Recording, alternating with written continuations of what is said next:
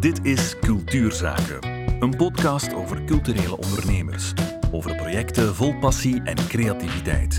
Hoe ze leefbaar worden en leefbaar blijven.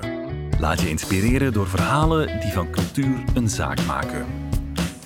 Welkom bij de vijfde aflevering van Cultuurzaken. We gaan het hebben over een jazzclub. En niet zomaar één. Misschien wel het meest legendarische exemplaar vind je in Heist op den Berg, de Nita-hoeve. Sinds 1955 is het een van de oudste jazzclubs van Europa. Peter Antonissen en Gert de Bie vonden dan ook terecht dat zo'n stuk jazzerfgoed bewaard moest blijven. Maar ja, hoe begin je daar financieel aan? Ze doen je hun verhaal samen met het expertise van Justine Vervaak van Cultuurloket. Welkom Peter en Gert. Welkom Justine. Goedemiddag. Goedemiddag. Hallo. Naast het feit uh, dat de Nita-hoeve ja, een van de oudste jazzclubs van Europa is, is die plek voor jou ook heel waardevol om nog een andere reden, hè Peter?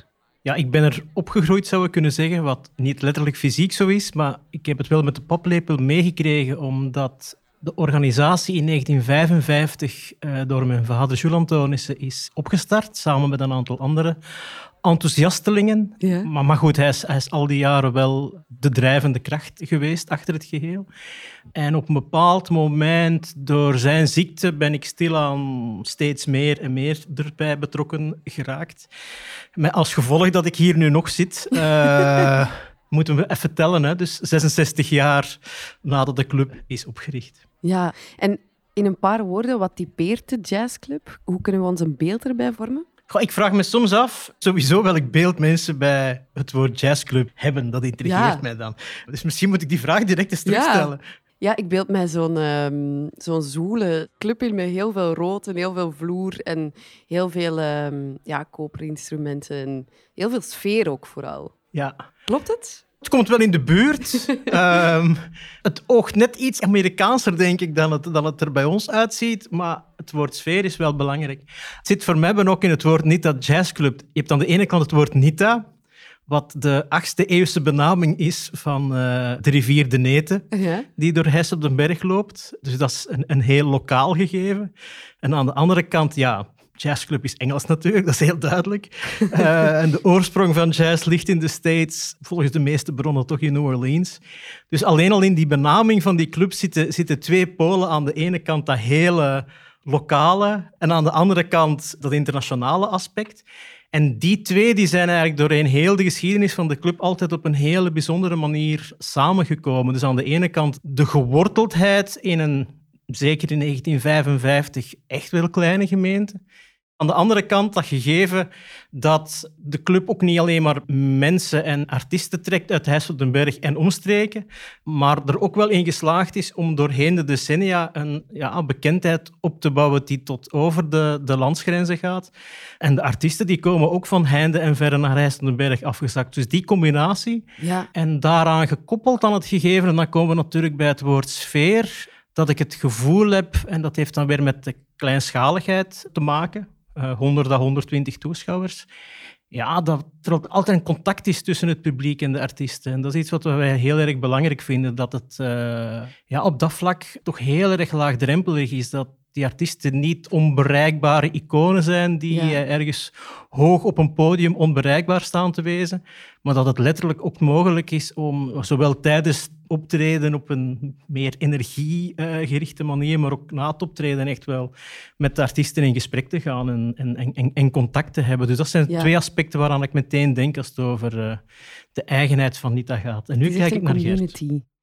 Ja, ja, maar het is als iemand met iets meer afstand toen ik opgroeide, en ben ook een beetje jonger als Peter, uh, het treft wel, want Nita heeft altijd een, een, uitstraling gehad in de gemeente die zo net ongrijpbaar was voor een jongeman die wel in muziek geïnteresseerd was, maar dan ja, nog niet echt veel kennis had van jazz. En, en we wisten allemaal wel dat Nita er was. We wisten ook dat het iets heel bijzonders was. Maar de hoeve ligt dan fysiek ook zo net achter de bouwlijn. En het is niet alleen die locatie, maar het is ook die uitstraling die een beetje hetzelfde was. Zo net buiten de begane paden wel iedereen wist dat het kwaliteit en speciaal was. Een beetje een, een, een mystiek cultgevoel. Dus dat is altijd ja. wel bijzonder geweest. Ja. ja. Wanneer kwam dan bij jullie het moment van nu willen we die plek ook renoveren en daar echt aan werken om dat verder te zetten? Ik denk dat het belangrijk is om misschien in eerste instantie even te beschrijven hoe dat die club jarenlang gewerkt heeft. Want mm -hmm. ik denk dat er in de jazzwereld twee uitersten zijn als ik in België kijk. Aan de ene kant heb je uh, de grotere, prestigieuze huizen, genre uh, Bozar, Flagey, Bijloken, De Single, zeg maar dat soort plekken.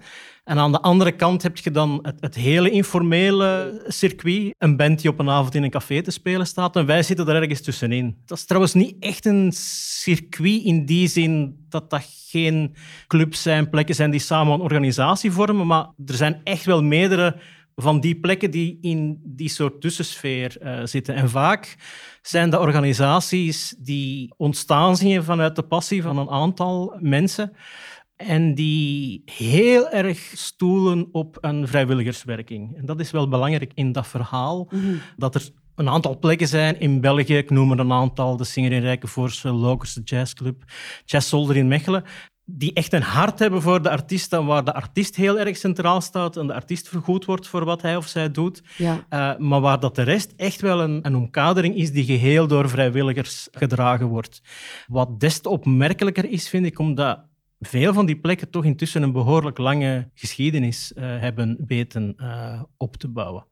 Nu, in onze geval, en dat heeft daarmee te maken, mijn vader heeft de club geleid tot zijn overlijden in 2008. Mm -hmm. De organisatie is een VZW. Tegelijkertijd, zolang dat mijn vader aan het hoofd stond, was dat in de geest ook wel ergens een familiebedrijfje. Mm -hmm. In die zin dat als de VZW-geld uh, eh, tekort kwam, ja, dan sprong mijn vader wel bij. Ja. En toen hij overleden is, bedoel, niet dat dat voor mijn vader altijd evident was om te doen, maar toen hij overleden was, ja, was dat eigenlijk niet langer een optie, zeker niet op de langere termijn, om dat op die manier te blijven doen. Ja. En dat vertaalde zich fysiek het meest erg in het feit dat er echt niet meer kon geïnvesteerd worden in het gebouw. En dat uh, op een bepaald moment het letterlijk aan het binnenregenen was. Dat is niet echt een ideale uh, omgeving om concerten te organiseren. uh, het is te zien welke sfeer dat je wilt. Ja, het is waar. Ik bedoel, het draagt wel bij tot de sfeer, maar niet per se tot de sfeer die je wil. Ja.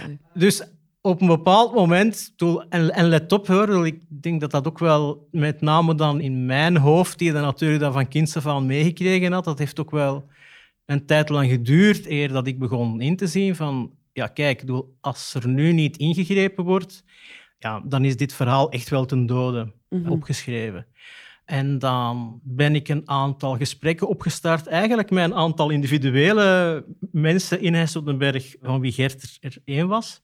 En vanuit die gesprekken is dan op een bepaald moment een nieuw bestuur ontstaan, dat dus nieuwe, ambitieuze, snode plannen heeft gesmeed. Oela. Dan zijn we 2017, 2018. Leuk, ja. En 2017 zijn we verschillende mensen beginnen samenroepen en zeggen maar, kijk, we gaan dit verhaal een toekomst geven en we gaan niet links en rechts duizend euro zoeken om het gat in het tak te doen en om dan een beetje elektriciteit. Nee, we gaan zorgen dat die club klaargestoomd wordt voor de komende 50 jaar. En um, Peter en ik hadden elkaar gevonden. Ik heb in 2005 Peter zijn vader nog geïnterviewd bij het 50-jarige bestaan van de jazzclub. Ah. In zijn living tussen zijn gigantische platencollectie. En dat was voor mij als muziekliefhebber en toenmalig journalist echt... Toen heb ik echt het bijzondere van die club helemaal tot mij kunnen nemen. Ja. En er zijn nog zo'n aantal mensen rondom ons geweest, uh, waar dat er uiteindelijk Bert, Lieve, Chris, ikzelf en Peter een kern hebben gevonden die gezegd hebben van kijk, we maken een plan om die club de toekomst in te loodsen. Ja. En hoe uh, zijn die snode plannen dan uh, tot stand gekomen? met veel enthousiasme en een pintje erbij. um, ik, we hebben het geluk gehad, um, of we hebben de opportuniteit gezien, dat ook de context waar de hoeve gelegen is, dat die uh, door een ruimtelijk uitvoeringsplan van de gemeente ging veranderen. En het gebied dat achter de club ligt, uh, wordt publiek toegankelijk, wordt een recreatiedomein, een wandelpark.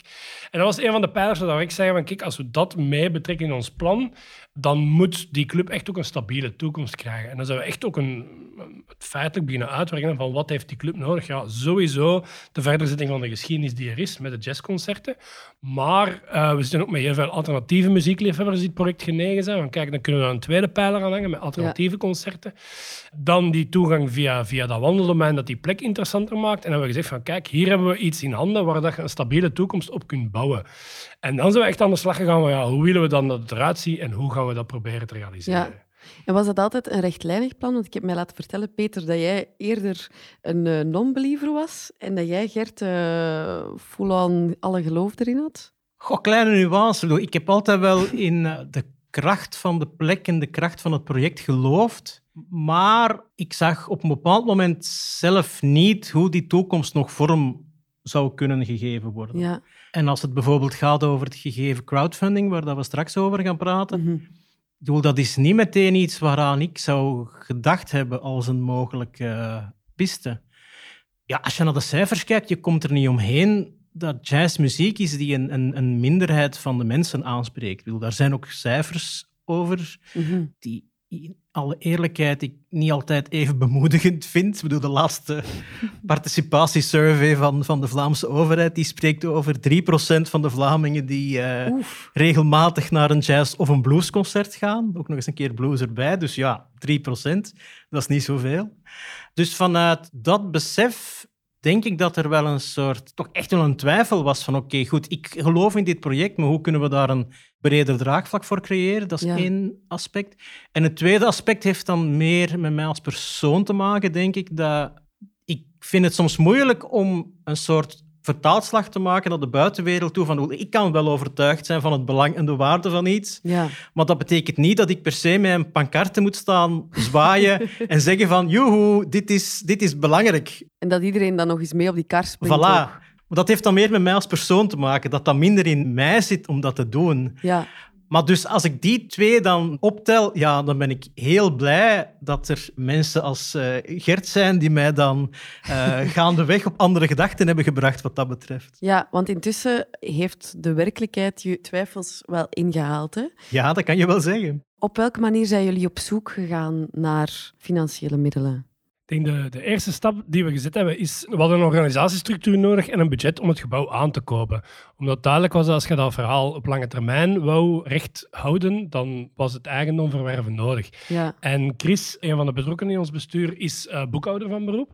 En dan zijn we samen op zoek gegaan om een structuur te creëren om dat aan te kopen. En dan hebben we een coöperatieve vennootschap opgericht, waar dat je dan binnen het techshelter verhaal een aandeelhoudersstructuur kunt creëren en waar dat mensen ook, eh, ik denk, 45% rendement of belastingaftrek van hun aankoop kon doen. En zo is het verhaal eigenlijk gestart. En zo zijn we effectief binnen onze onmiddellijke omgeving mensen gaan aanspreken.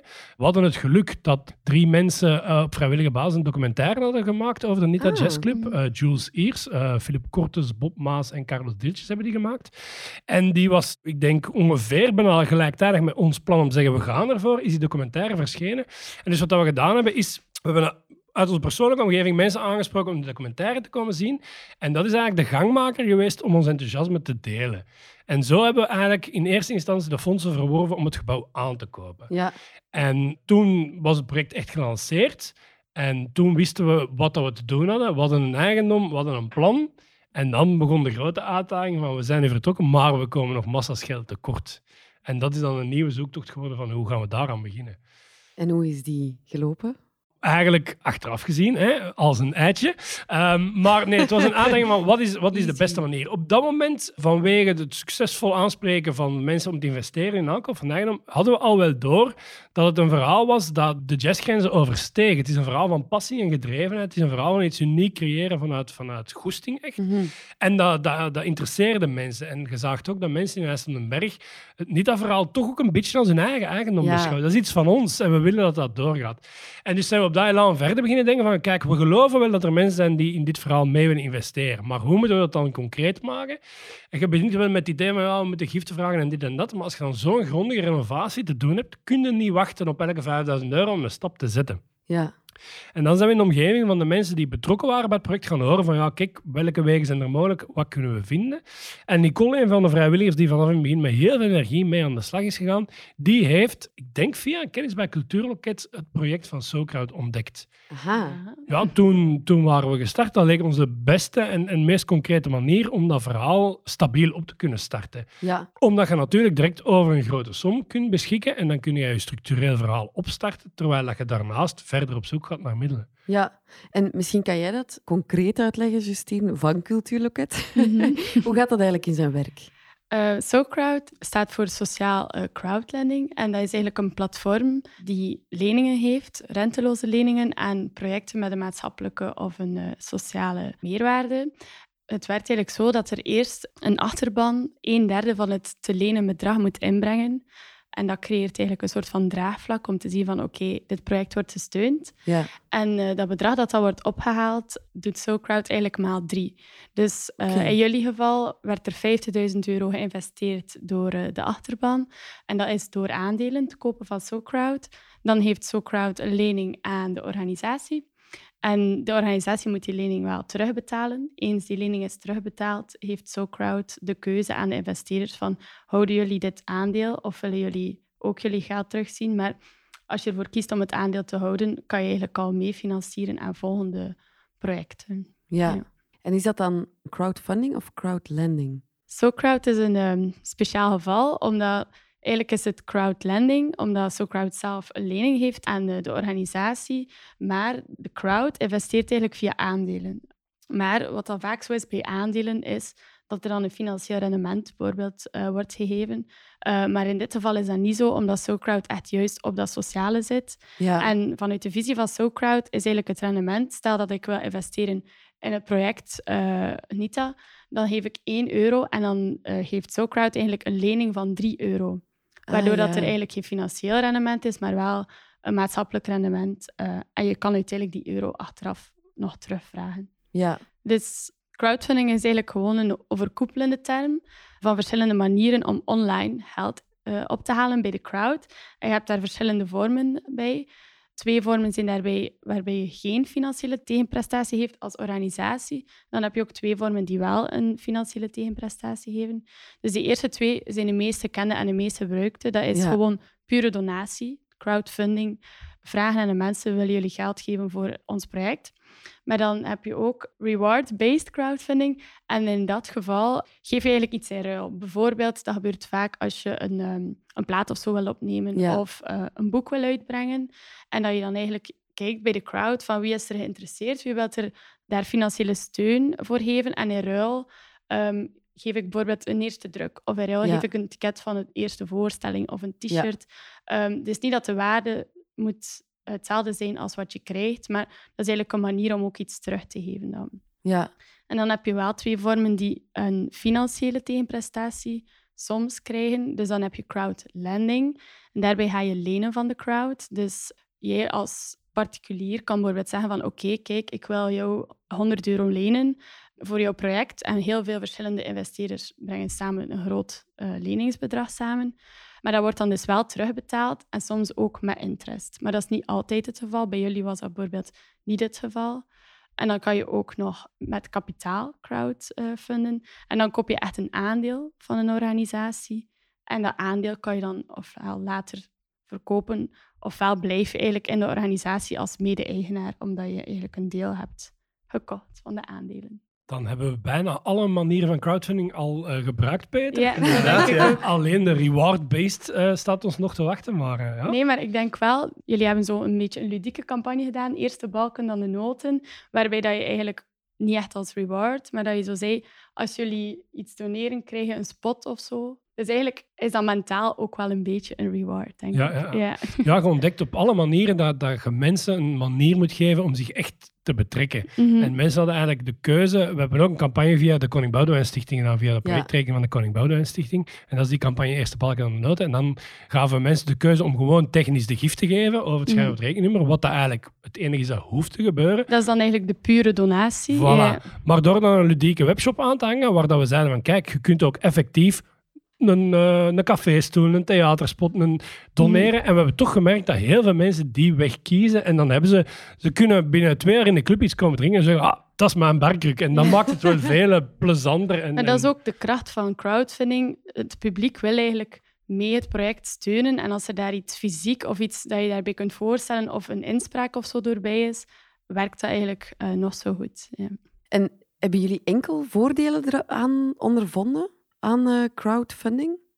Wat we gaandeweg zijn beginnen beseffen, wat we ook echt geleerd hebben uit die manier van aanpakken, is gecreëerde betrokkenheid. Ja. En zoals Peter daar Mhm. straks verteld heeft, dat de kracht van die club ook altijd vrijwillig is geweest, zijn we daar ook eh, ons heel erg van bewust geweest. Ja. En je zou puur theoretisch kunnen zeggen van, oh kijk, we hebben hier een rijke onkel in Zuid-Amerika gevonden en die wil ons 150.000 euro geven. Heerlijk. Goed, dan heb je wel... ja, maar dan heb je wel je centen, maar dan staat je met vijf, met 150.000 euro en je staat voor hetzelfde project. Terwijl nu In onze aandelenstructuur hadden wij al 96 mensen bij de Ja. opstart weten te enthousiasmeren. Bij SoCrowd hebben we een aantal daarvan nog eens geïnvesteerd, maar we hebben ongeveer nog eens, ik denk 46 nieuwe mensen weten aanspreken. Dus op het moment dat we in die fase zaten, hadden we al meer dan 150 mensen die zich financieel geëngageerd hadden voor Ja. die club. En dat zijn mensen die je dan ook weer op andere manieren kunt aanspreken en die zich ook effectief betrokken voelen. Mhm. Ja, jullie hebben eigenlijk ook wel gemerkt op dat moment dat er een heel groot publiek stond te wachten of heel veel zin had om mee te werken aan de Nita-hoeve. Ja, en dat heeft dus het ongelijk eh, bewezen van mijn aanvankelijke sepsis. Ja, Als je al jaren in een organisatie zit of in een bepaalde structuur zit, bedoel, ervaring is één ding en ik ga absoluut het belang van ervaring ook niet gering schatten. Mhm. Maar er is wel een reëel risico dat je andere perspectieven of nieuwe mogelijkheden die zich aandienen, dat je die niet ziet. ja. En daarom is het wel ja, ongelooflijk belangrijk allee, en echt wel eh, bepalend voor de toekomst geweest dat mensen als Gert dan met een hele frisse blik, maar wel overtuigd van de waarde van het project, daarin binnengekomen Ja. zijn. En nu ook met die coöperatieve structuur kan dat eigenlijk blijven binnenkomen, nieuwe ideeën Ja, of ja. nieuwe... Ja, ja. Ja, dat is wat we nu mee bezig zijn. Nu zijn we in die werking ook echt... hè, Dat is allemaal gegroeid en ook al zijn we al bijna drie jaar bezig, dat is ook allemaal heel snel gegaan. Ja. En nu zijn we effectief aan het zeggen, oké, hoe gaan we dit nu structureel aanpakken? Mhm. Dat iedereen die zich financieel betrokken heeft, misschien ook zijn weg in die organisatie zelf kan vinden en zo. En ja, wat dat in het begin eigenlijk een project was van geld zoeken, is eigenlijk heel snel een project geworden van mensen samenbrengen. Mhm. Dat is Mhm. eigenlijk hetgeen dat, ja, ja. waar dat we ons allemaal beter en beter in zijn gaan voelen. Ik denk ook als het enkel gericht is op geld zoeken, ga je minder op geld vinden dan als het gericht is op we doen dit samen en dan gaan er ook mensen op de kar springen. Ja. Ja, Er zijn een aantal mensen die in het begin op de kar gesprongen zijn, die uit de horecahoek in IJs op den Berg komen en die qua muziekgenre eh, veel meer met metal bezig zijn dan met jazz. Maar blijkbaar vonden die mensen dus het gegeven van dat er ook een plek als de Nita Jazz Club in IJs op den Berg is, belangrijk genoeg om, om, om dus mee op die kar te springen. En dat soort overwegingen bij mensen, ja, dat is fascinerend om vast te stellen. Dat het ook heel veel deugt Ja. dat, dat mensen zo te overtuigen zijn. ja. Ja, het geluk dat we hadden, Peter, is omdat het voor u zo'n verhaal is dat zo dicht bij u heeft gelegen altijd, dat de bescheidenheid die Peter daarin siert, die hoefde ik en mijn collega's niet te dragen. Want wij konden helemaal gaan staan in hoe fantastisch dat de geschiedenis was. En dat is volgens mij ook deels de reden waarom dat Peter het in het begin onderschatte en dat wij het realistisch ingeschat hebben. En is dat dan jullie fulltime job? Nee, het is zelfs geen job. Nee, eh dat jazzclub dat is echt voor ons ook vrijwilligerswerk. Ik doe veel verschillende dingen, maar ze hebben wel allemaal met cultuur in de brede zin van het woord eh, te maken. Dus, dus ik werk voor eh, Fabuleus Theater, een dansgezelschap als dramaturg. En ik geef les op Luca School of Arts, Ah, ja. zowel bij muziek als bij drama. En af en toe doe ik ook nog wel wat journalistiek werk, dus dat zijn andere dingen die willen allemaal met cultuur te maken hebben. Maar de jazzclub is echt een vrijwilligersverhaal. Maar ik geloof ook wel ontzettend in, alleen los van het draagvlak, ik geloof ook wel heel erg in de impact van mensen die iets vrijwilligs doen. Ja. Die weten namelijk zeer goed waarom dat die dat doen, want anders zouden ze het niet doen. En ik geloof ook dat dat in de geest van een organisatie ook echt wel te voelen valt. Ja. Ja, het is voor mij inderdaad ook geen job. eh, hoewel dat je zou kunnen zeggen dat de momenten dat je zo'n crowdfunding gaat opstellen, dat het wel een fulltime bezigheid is.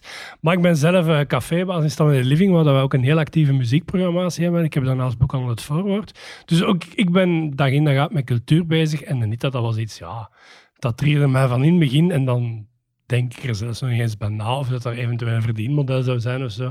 en ik kan alleen maar bevestigen wat dat Peter zegt. De mensen die daar zich voor inzetten, doen dat vrijwillig. En net dat is de kracht van dat verhaal. Ja.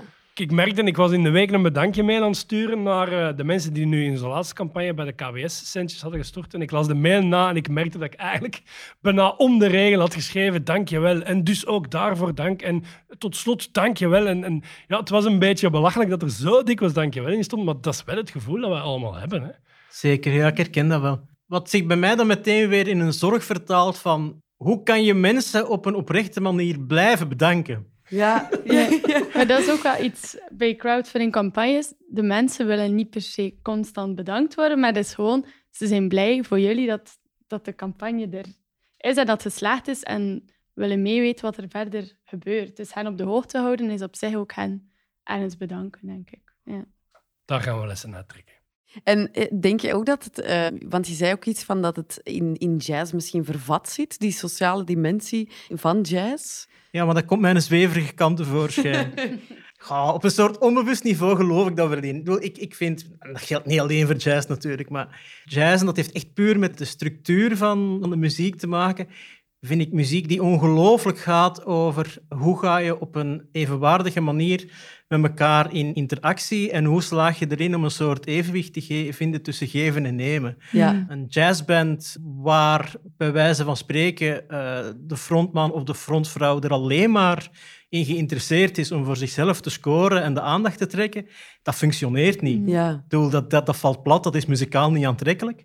En zo dat beeld dat geloof ik wel dat dat in de structuur van een organisatie als de onze op de een of andere manier hmm. weerspiegeld geraakt. Zeker omdat jullie nu een coöperatieve noodschap zijn, weerspiegelt dat inderdaad wel die gelijkwaardigheid. Ja.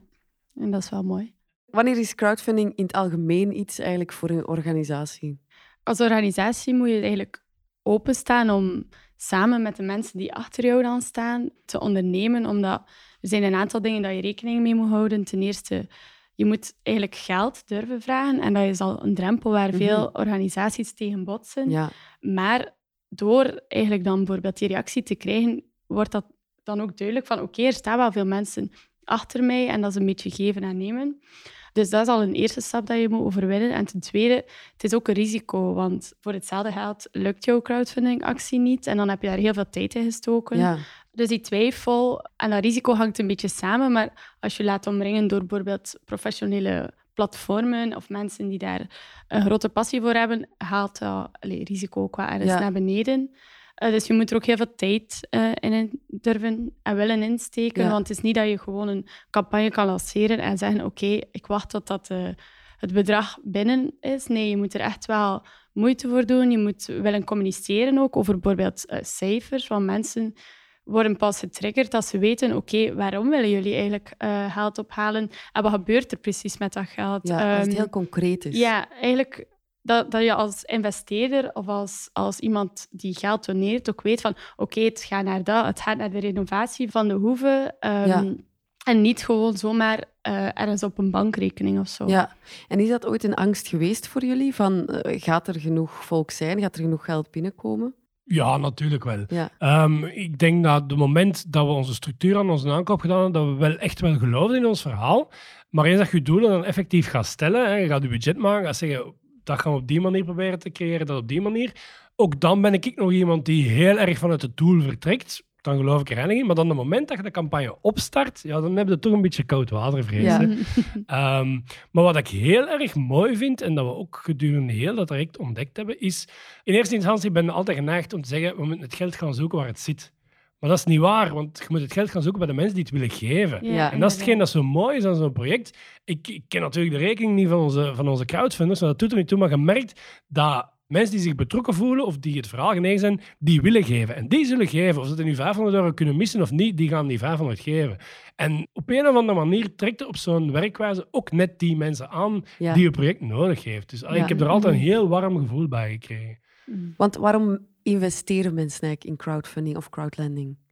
Meestal is dat echt inderdaad omdat hun hart bij dat project ligt. En meest, dat is niet altijd zo dat mensen het project bijvoorbeeld al op voorhand kennen. Misschien komen ze dat tegen door de campagne of zo van de, van de crowdfunding. En dat ze dan zeggen, oké, eh, hier wil ik wel graag persoonlijk aan bijdragen. En dan dat heeft mensen ook het gevoel van, oké, de ontwikkeling van de jazzclub of van andere culturele organisaties. Ik heb daar persoonlijk aan bijgedragen. En dan gaan mensen dat ook vaker echt ook volgen, omdat ze dat weten van het is een leuk project en ik wil dat het slaagt. En ehm, dat gaat niet over het financiële rendement of zo. Dat gaat echt over iets waar je in geïnteresseerd bent en waar je een warm hart toe draagt. Ja. ja, dat vind ik ook het mooiste dat Justine daar straks gezegd heeft. Als we over geld denken, dan denken we eigenlijk onmiddellijk aan cijfers en aan procenten en aan ja. interesten mhm. en zo.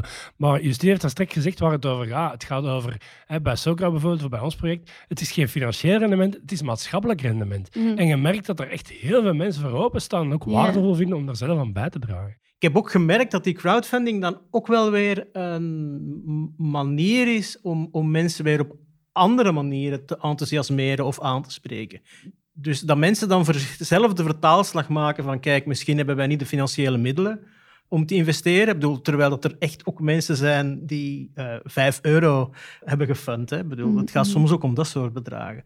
Maar bijvoorbeeld vaste cliënten van de club die eigenlijk niet actief hebben bijgedragen aan een van die acties, maar die dan zoiets hebben van oké, goed, maar onze bijdrage is dan dat we naar 80% van de concerten uh, komen kijken en luisteren en dat is dan weer onze bijdrage om te funden. Uh, zeer legitieme overweging. Uh, artiesten die ons te kennen gaven van ja, kijk, wij gaan ook niet actief bijdragen tot die crowdfunding, maar op ons kan je dan weer rekenen voor een benefietconcert of die op andere manieren dan het crowdfunding-project mee hebben mm. uitgedragen. Dus je merkt dat het ook weer mensen prikkelt om na te denken, oké, maar wat kan dan mijn of, uh, of onze bijdrage zijn? er zijn ook mensen die een, eh, een, een, een boom gaan komen planten straks uh, ah. in de buurt van de club, uh, ja, ja, eens dat ze klaar is. Mensen zoeken en vinden de weg om de bijdrage te leveren die ze willen of kunnen leveren. Ja. En natuurlijk ben je als organisatie op dat moment op zoek naar centen, maar ook al die andere bijdragen zijn super waardevol en kunnen later aanspreken. En mm. het is inderdaad, uw stap en uw actie gaat over het vragen van geld, maar uw rijkwijde en uw, uw bereik is veel groter. Mm. Ja, het wordt echt een community van iedereen die daar ja, in welke manier dan ook wilt in investeren. En hebben jullie nog tips voor, voor ja, wie aan, graag aan de slag wil met crowdfunding, crowdlending? De tip die ik zou geven is ook wel heel eigen aan wie dat ik ben. En dat is eigenlijk gewoon geloof zelf voor 120% in je project en draag dat enthousiasme uit. Ik kan soms nogal snel zijn en, en als ik een doel heb, ik vertrek altijd van het doel. De eerste stap heb ik nog niet eens gezien en de vierde ook. ik weet, daar gaan we geraken. En door dat geloof ook uit te stralen, wordt dat ook opgepikt en andere mensen versterken dan weer bij jezelf en ook bij anderen.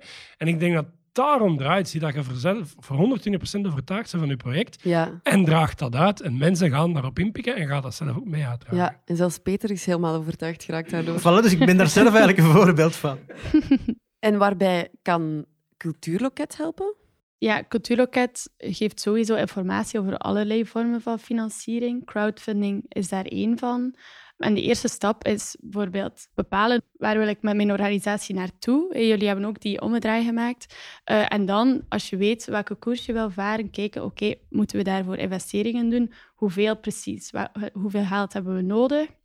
En dan kan je kijken, oké, met dat bedrag dat we nu nodig hebben, hoe gaan we dat binnenhalen? Dat kan onder andere door crowdfunding, maar jullie hebben bijvoorbeeld heel veel dingen gecombineerd. Een lening, ehm, crowdfunding, subsidies, een verdienmodel. Alle soorten manieren van financieren samen maken eigenlijk een mooie financieringsmix, mhm. zoals dat wij zeggen. En door eigenlijk te kijken naar dat budget, wat dat je nodig hebt en de opties bij elkaar te leggen, proberen we zo die financiering eigenlijk rond te maken. Ja. en hoe is het eigenlijk op dit moment gesteld met de renovatie? Ja, we zitten eigenlijk op schema op dit moment. En dat is echt wel de knoop die we hebben kunnen doorraken nadat dan de derde fase van uh, de crowdfunding in de brede zin van het woord, namelijk de projectrekening bij de Koning Boudewijn Stichting, toen die dan een succes is gebleken, toen hebben we echt wel voor onszelf kunnen beslissen van oké, goed, nu werken we toe naar uh, augustus, september 2022 uh, eh, om dan te heropenen. Oké. Ja, het budget is voldoende rondom gerust te zijn dat we er gaan geraken. En we zitten ook echt nu helemaal in de heropbouw. Dat is ook echt heel fijn, want ja, de eerste fase was de aankoop. En dan zijn we beginnen afbreken, wat dat ook nog geen feest is. Maar nu zijn we echt aan het heropbouwen. En, en de hoeve verandert bijna wekelijks van gezicht. Uh, we proberen dat ook te communiceren via onze sociale media en zo. En je mhm. ziet dat mensen er ook echt heel enthousiast op reageren. Dus ja, het gaat alleen maar in stijgende lijn nu. En zijn er dan mensen die ook komen piepen, zo al voorlopig? Ja, dat gebeurt ook al wel eens, ja. Ja, ja. ja, ja absoluut. En, en we proberen ook mensen één keer per jaar of zo eens uit te nodigen van ik kom eens kijken hoe dat nu staat. En er wordt ook al heel enthousiast op gereageerd. Dus. Super. En zijn er nog financiële uitdagingen voor jullie in het verschiet? Wel, de toestand van de afgelopen anderhalf jaar is in de cultuursector natuurlijk heel erg uh, hard aangekomen. Ironisch genoeg was het in de fase waarin dat wij zaten voor ons niet onmiddellijk een probleem, omdat we ons konden focussen op de verbouwing. Maar we hebben wel een aantal structurele keuzes mm, gemaakt die we noodzakelijk achten. En we hebben dus besloten om echt te investeren in een ventilatiesysteem. Maar je zit natuurlijk in een jazzclub waar dat je wilt dat een jazzpianist een stilte kan laten vallen. Dus je Ja. wilt geen gezoom en gelui. En dan gaat het toch inderdaad wel... eh we hadden wel een investering in, in ventilatie ingeschat, maar we hebben het ook bijna verdrievoudigd gezien voor zo'n professionele installatie. En dat was niet gebudgeteerd. Dus daar gaan we nog door moeten. Oké, maar ik denk dat jullie heel veel mensen nu warm hebben gemaakt. Dus dat komt helemaal dik in orde, dat ventilatiesysteem. Gert, Peter, Justine, dikke merci. Graag gedaan. Merci. Bedankt voor het luisteren naar deze aflevering van Cultuurzaken. Op zoek naar inspiratie of advies voor jouw project? Check onze website cultuurloket.be en ontdek een schat aan informatie in onze kennisbank via opleidingen of neem er persoonlijk contact op met een van onze consulenten. Abonneren op deze podcast doe je gratis via jouw favoriete podcast-app. Zo hoef je geen enkele aflevering te missen. Tot snel!